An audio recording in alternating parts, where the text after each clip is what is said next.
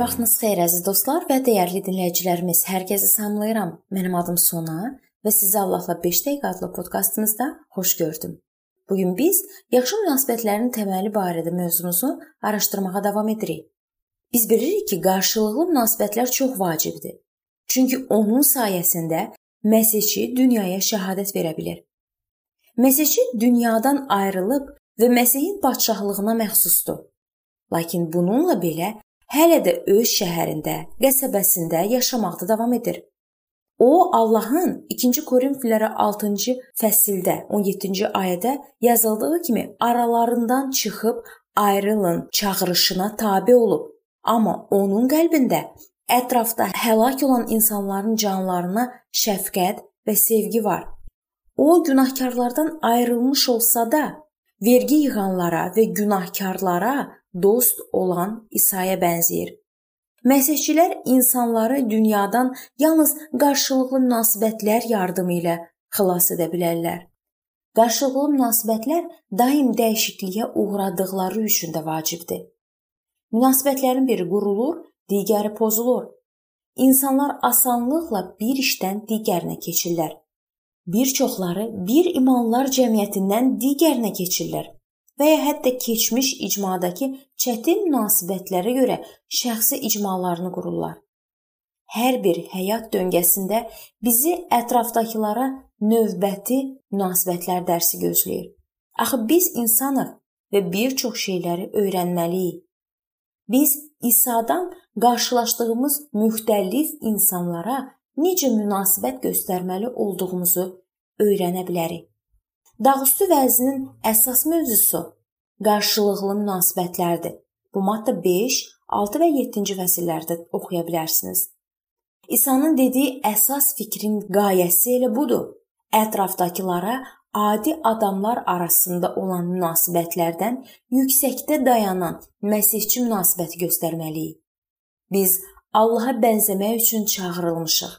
Matta 5:48-də yazılıb: Səmavi atanız kamil olduğu kimi siz də kamil olun.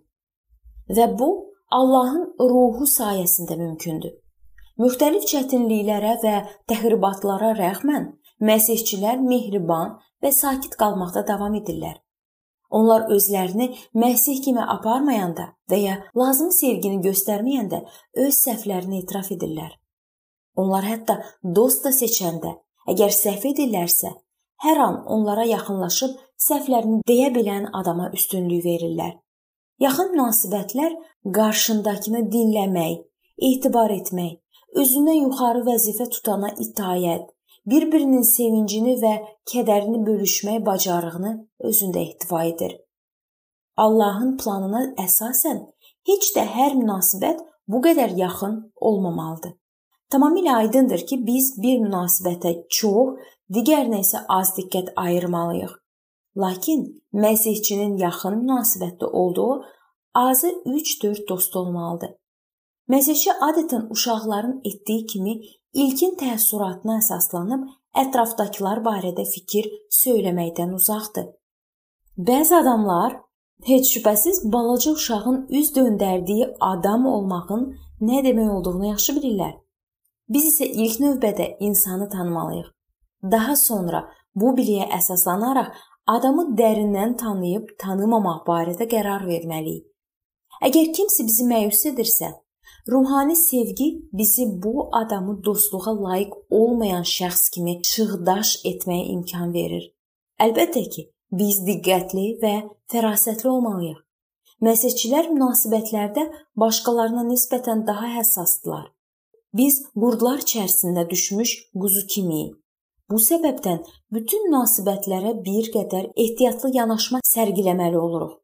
Amma Allahın ruhu və kəlamı ilə yönəldilsək, dünya üçün əlçatmaz olan Allaha inamla, insanlarla qorxmadan ünsiyyət qura bilərik. Biz bilərəkdən özümüzü keçmiş dostlarımız tərəfindən yaralanmaq, xəyanət edilmək və hətta rədd edilmək kimi risklərə atırıq bizi Rəbbə olan faydalığımızı ciddi şəkildə məhdudlaşdıra bilən qorxu idarə etmir. Bunun əvəzinə bizi idarə etməyi Allahın sevgisinə həvalə etmişik. Başqa insanlarla münasibətlər bəzən mürəkkəb və qorxulu görünə bilər. Amma əgər biz ətrafdakı adamlarla münasibətlərdə Allahın iradəsini dərk etməyə can atırıqsa, o bizi düz yol göstərməyə həmişə hazırdır. Bu mövzunun davamını biz növbəti görüşümüzdə araşdıracağıq.